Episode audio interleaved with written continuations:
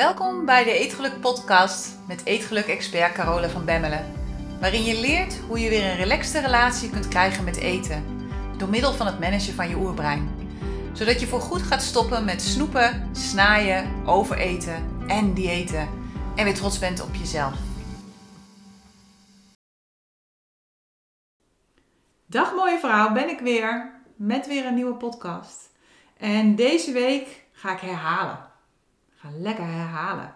En dat doe ik omdat herhaling heel erg belangrijk is voor je oerbrein. Herhaling is de weg naar meesterschap. Je wordt goed in dat wat je vaak doet. Dus daarom is het nu weer de hoogste tijd voor een highlight editie van de podcast. En ook omdat ik durf te wedden dat de meeste dingen die je gaat horen in deze podcast, dat je die waarschijnlijk al lang weer vergeten bent. Want de tijd gaat zo ontzettend snel.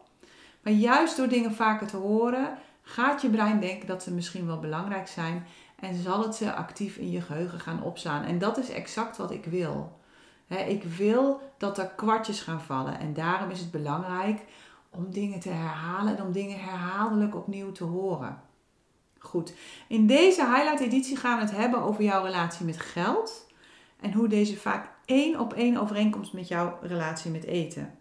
we gaan het hebben over hoe je jouw schaarste mindset kunt ombuigen naar een overvloed mindset en waarom proberen de garantie is voor mislukken. En nog een paar andere dingen. Dus ga er lekker voor zitten. Heel veel luisterplezier. En uh, tot volgende week zou ik zeggen.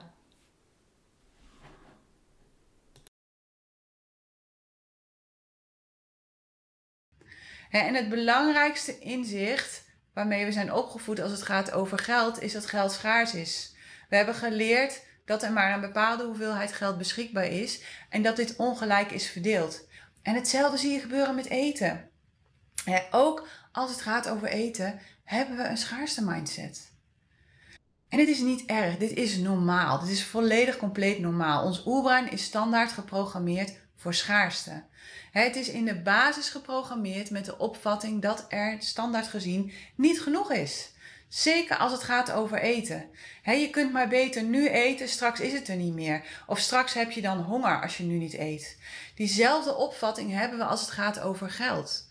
je kunt het maar beter nu uitgeven, want aan het eind van de maand is het zeker op. Dus koop nu al die grote dingen maar die je moet hebben. Maar wat als ik je vertel dat er geld genoeg is, net zoals er eten genoeg is? En hetzelfde geldt voor geld. Er is voor alle mensen meer dan genoeg geld beschikbaar. Maar met geld werkt het iets pietje anders, want iedere persoon heeft de beschikking over zijn of haar eigen miljoenen. Daar ben ik heilig van overtuigd. Ik ben er heilig van overtuigd dat voor iedere persoon op de wereld er een enorme bult met geld te wachten ligt. En de sleutel tot deze miljoenen, dat is je brein. Of beter gezegd, de mate waarin je in staat bent om je brein te managen. De mate waarin je in staat bent om je emoties te durven voelen, bepaalt in hoeverre je toegang hebt tot jouw persoonlijke geldvoorraad. En wat daarvoor ook geldt, is dat wanneer jij jouw geld niet opeist, dat het dan naar niemand anders gaat. Naar niemand anders. Dan is het gewoon verloren. dus dat geld ligt echt puur op jou te wachten. En als jij het niet gebruikt, dan gaat het dus verloren. Dus al die mooie dingen die je daarmee zou kunnen doen, die kun je dan niet doen. Die worden niet gedaan. En dit klinkt bizar, ik weet het, het klinkt misschien een beetje woehoe, maar zo werkt het echt. dus je hoeft niet hard te werken of hard te studeren om veel geld te kunnen verdienen of veel geld te kunnen hebben. Het enige dat je hoeft te doen is te leren hoe je jouw brein kunt managen en hoe je van een schaarste mindset de omschakeling kunt maken naar een overvloed mindset. Net zoals je relatie met eten wordt bepaald door de gedachten die je denkt over je eten, wordt je relatie met geld dus ook bepaald door de gedachten die je denkt over geld. Dus wanneer je de toegang tot jouw persoonlijke geldstapel, tot jouw persoonlijke miljoenen, ik vind het een heerlijke gedachte, wilt ontsluiten, dan is het belangrijk dat je je bewust wordt van de gedachten die je denkt over geld, maar ook van de gedachten die je denkt over mensen met geld, dus over rijke mensen. Nou, zoals je inmiddels weet, als je al wat meer podcasts van mij geluisterd hebt, dan heeft je oerbrein maar één taak. En dat is om ervoor te zorgen dat je veilig bent. En de manier waarop je oerbrein weet dat je veilig bent, is door hoe je je voelt. wanneer je je goed voelt, dan denkt je oerbrein dat je veilig bent. En wanneer je je niet goed voelt, dan denkt het dat je in gevaar bent. En op dat moment zal het je ertoe aanzetten om iets te doen waardoor je je weer goed gaat voelen, waardoor je je weer beter gaat voelen. Zo simpel is het. Zo, meer is het eigenlijk niet. dus wanneer het gaat over je relatie met eten en over goede eetvoornemens, dan geldt eigenlijk hetzelfde. Hè? Ook dan zal je oerbrein maar één ding willen en dat is dat het goed met je gaat. Het zal willen voorkomen dat je je teleurgesteld voelt en dat je je daardoor niet goed voelt. Dus wat er heel vaak gebeurt, is dat je gedachten krijgt, hè, gedachten gaat denken als, oh, zou je daar wel aan beginnen? Of, het gaat altijd verkeerd, bespaar je de moeite. Of, het is nu ook toch oké? En wat als het nou deze keer ook niet lukt? Heb je weer een ervaring die, die gewoon weer een mislukking achter de kiezen? dus doe nou gewoon maar wat je eerder al hebt gedaan, want daarmee had je toch ook een prachtig resultaat? Of het wordt toch nooit wat, stop er maar mee. en wat ik regelmatig terugzie als vrouwen zich aanmelden voor de Eetgelukke Universiteit, is dat ze al focussen op proberen in plaats van op doen. We focussen te veel op dingen proberen in plaats van op dingen doen. want wanneer je lid wordt van de Eetgelukke Universiteit, dan begin je altijd met een jaarabonnement. En de reden daarvoor is heel eenvoudig. Je oerbrein heeft tijd nodig om te veranderen. En wanneer je korter dan een jaar lid wordt, dan is dat echt zonde van je geld. Daarom wil ik dat niet voor jou. Maar het punt is dat wanneer je ergens aan begint met de gedachte dat je er wel mee wilt kunnen stoppen, en vervolgens ga je focussen op hoe je dan kunt stoppen, dan programmeer je je brein al om te stoppen. Snap je dat? Want in mijn beleving zijn er maar twee mogelijkheden. dus je doet het of je doet het niet. Proberen is niet de weg naar resultaten. proberen betekent eigenlijk dat je met één voet naar binnen gaat en met de andere buiten blijft staan. ik bedoel, ik kan proberen om te verhuizen naar Zweden, maar de kans is groot dat ik er dan nooit zal komen. En tegelijkertijd ben ik dan ook niet echt meer hier in Nederland, want in mijn hoofd zit ik daar. Dus stop met kijken naar wat er in het verleden allemaal niet goed is gegaan. Zie je verleden als een leerschool. Je weet in ieder geval namelijk wat niet werkt. Je weet in ieder geval hoe je met bepaalde dingen om moet gaan als ze gebeuren. En waarschijnlijk, waarschijnlijk, waarschijnlijk, guess what, werkt het allemaal niet omdat je het nooit echt hebt gedaan. Je bent er nooit echt voor gegaan. Je hebt het waarschijnlijk allemaal geprobeerd en proberen is de garantie voor mislukken. Want wanneer je iets probeert, dan ga je er nooit voor de 100% voor. Proberen bestaat namelijk niet. Er bestaat alleen doen of niet doen. En dat is uiteindelijk wat zorgt voor de resultaten. Proberen betekent eigenlijk dat je het voor 50% gaat doen. Of dat je het voor 50% niet doet. Net hoe je het zelf wilt vertalen. ik bedoel, probeer maar eens een kind te baren. Nou, ik wens je veel succes, want het kind moet eruit. En of je het nou leuk vindt of niet, het moet eruit. Proberen is geen optie hier. Probeer maar eens een auto te rijden. Ook zoiets. Die auto die rijdt of hij rijdt niet. Hij staat stil of hij rijdt. Eén van de twee. Probeer maar eens eten te koken. Je kookt eten of je doet het niet. Je hebt wat eten op tafel te staan of je hebt geen eten op tafel staan. Probeer eens iets op te tillen. En deze oefening gebruik ik nog wel eens in de Eetgeluk Universiteit. Je tilt het op of je laat het staan. Dat is hoe het werkt. dus proberen is een manier van je oerbrein om alvast de vluchtroute voor te bereiden. Goed, overeten is een symptoom. Overeten is iets dat je doet. en vaak is het een manier om te dealen met je leven, met je emoties, met hoe je je voelt. Of misschien beter gezegd, met hoe je je niet wilt voelen. En daarom ga je overeten. Overeten is een mechanisme dat je oerbrein gebruikt om ieder dieet dat je volgt te saboteren. En vaak gebeurt dat al binnen twee dagen. Als je corona eet, gebeurt het nog eerder. Maar bij de meeste mensen gebeurt dat ongeveer binnen twee dagen. En dat komt omdat je oerbrein in het verleden heeft geleerd dat eten ervoor zorgt dat je je goed voelt. Ja, daar zijn we weer.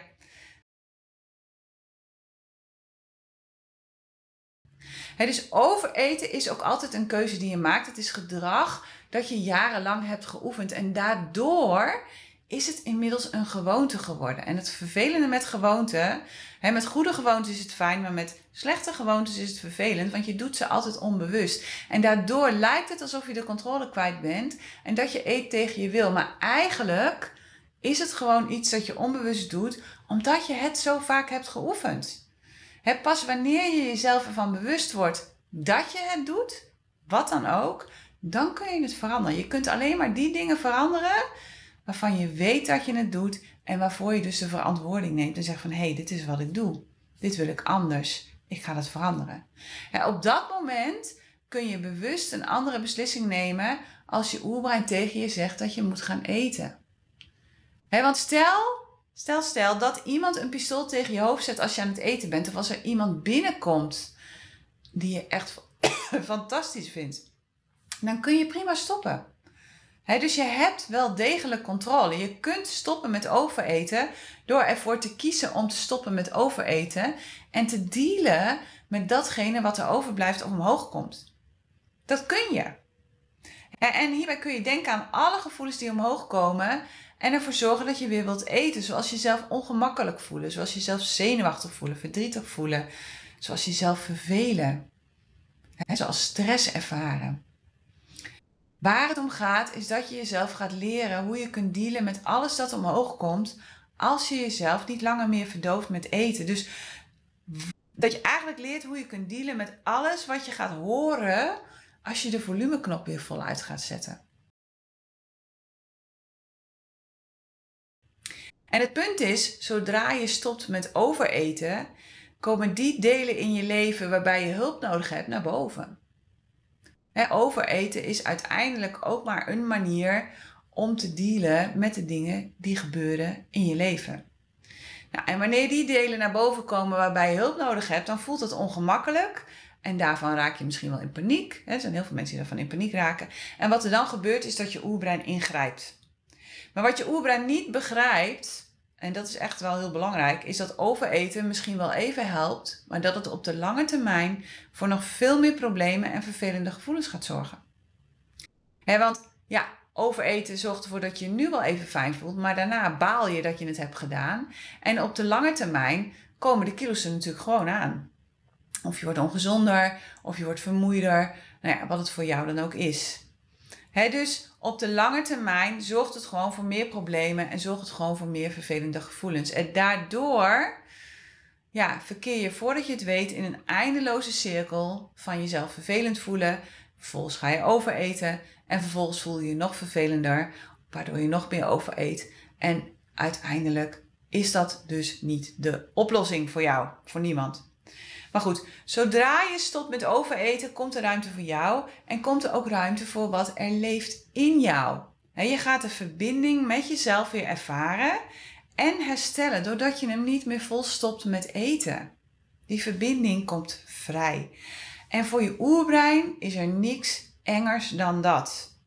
En daarom is het ook zo moeilijk om te stoppen met overeten. Want wanneer je dat doet, dan neem je de buffer weg tussen jou en je gevoel dus wat er dan ineens gaat gebeuren, is dat je al je rauwe gevoelens gaat voelen. Je dempt ze niet meer, je verstopt ze niet meer, maar je zet als het ware de radio keihard.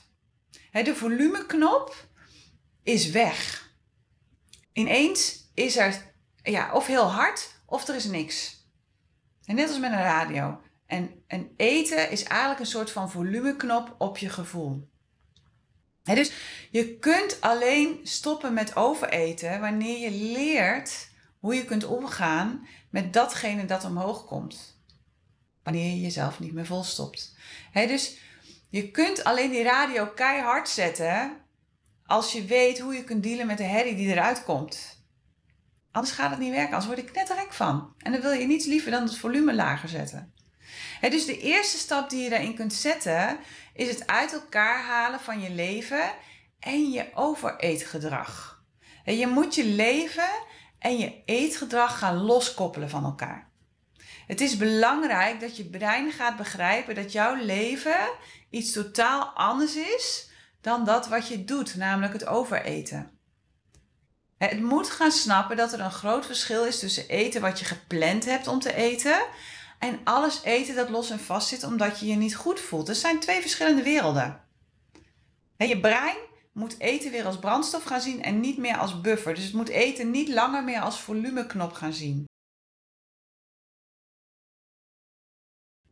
En wanneer je dit heel bewust ervaart, dan weet je dat je zelf kunt kiezen wat je doet. Je weet dan dat het verlangen om nu te eten, dat dat slechts een gewoonte is. Dat het gewoon een programma is dat je brein afdraait in een bepaalde situatie. En dat er dus helemaal niks mis is met je en dat er ook helemaal niks is met je brein. Je bent helemaal niet kapot of zo. Het enige dat er aan de hand is, is dat je waarschijnlijk gevoeliger bent voor dopamine in je brein, waardoor je makkelijker kunt blijven eten. Daarom heb je de gewoonte ontwikkeld om meer te eten dan je nodig hebt. Maar wanneer je begrijpt hoe jouw oerbrein werkt, is het veel eenvoudiger om eetimpulsen te managen. Echt waar. Het volhouden vraagt van je dat je de volledige verantwoording neemt voor jezelf. Dat je de volledige verantwoording neemt voor alles wat je denkt, voor alles dat je voelt en voor alles dat je doet, maar ook voor alles dat je niet doet. Want dat is ook oké. Zolang het maar een bewuste keuze is. En dat moet je iedere dag opnieuw doen.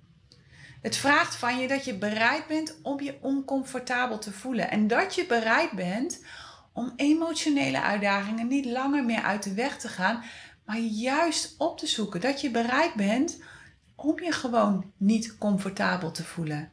Want daar zit je groei. Daar zit de weg naar het realiseren van je dromen. Te vaak bedenken we allerlei prachtige doelen die we willen behalen wanneer we ons heel comfortabel voelen. We bedenken dat we een marathon willen lopen terwijl we langer op de bank hangen. Of we bedenken dat we minder gaan eten terwijl we met een volle maag in bed liggen. Ja, hè, op dat moment is het makkelijk om dit soort beslissingen te maken.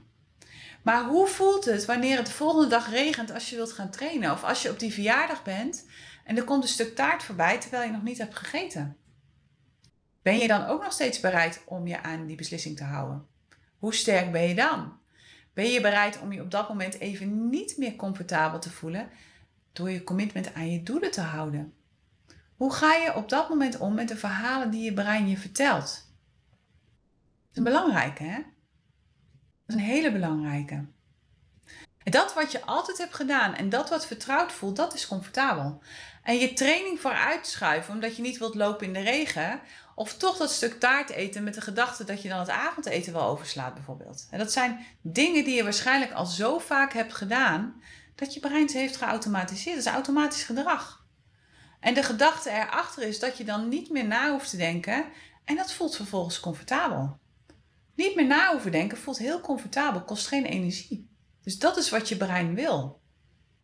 Maar zodra jij een ander plan hebt voor jezelf, ja, dan moet je ineens bewust worden van de dingen die je doet. Dat kost energie en dat is pijnlijk. En dat wil je brein niet. dus op dit moment heb je waarschijnlijk heel veel geoefend met overeten. Heb je waarschijnlijk heel veel geoefend met te veel eten. Of met het eten van het soort eten dat je nu eet. dat is ook een ding natuurlijk. En je hebt ook geoefend met het gewicht dat je nu hebt.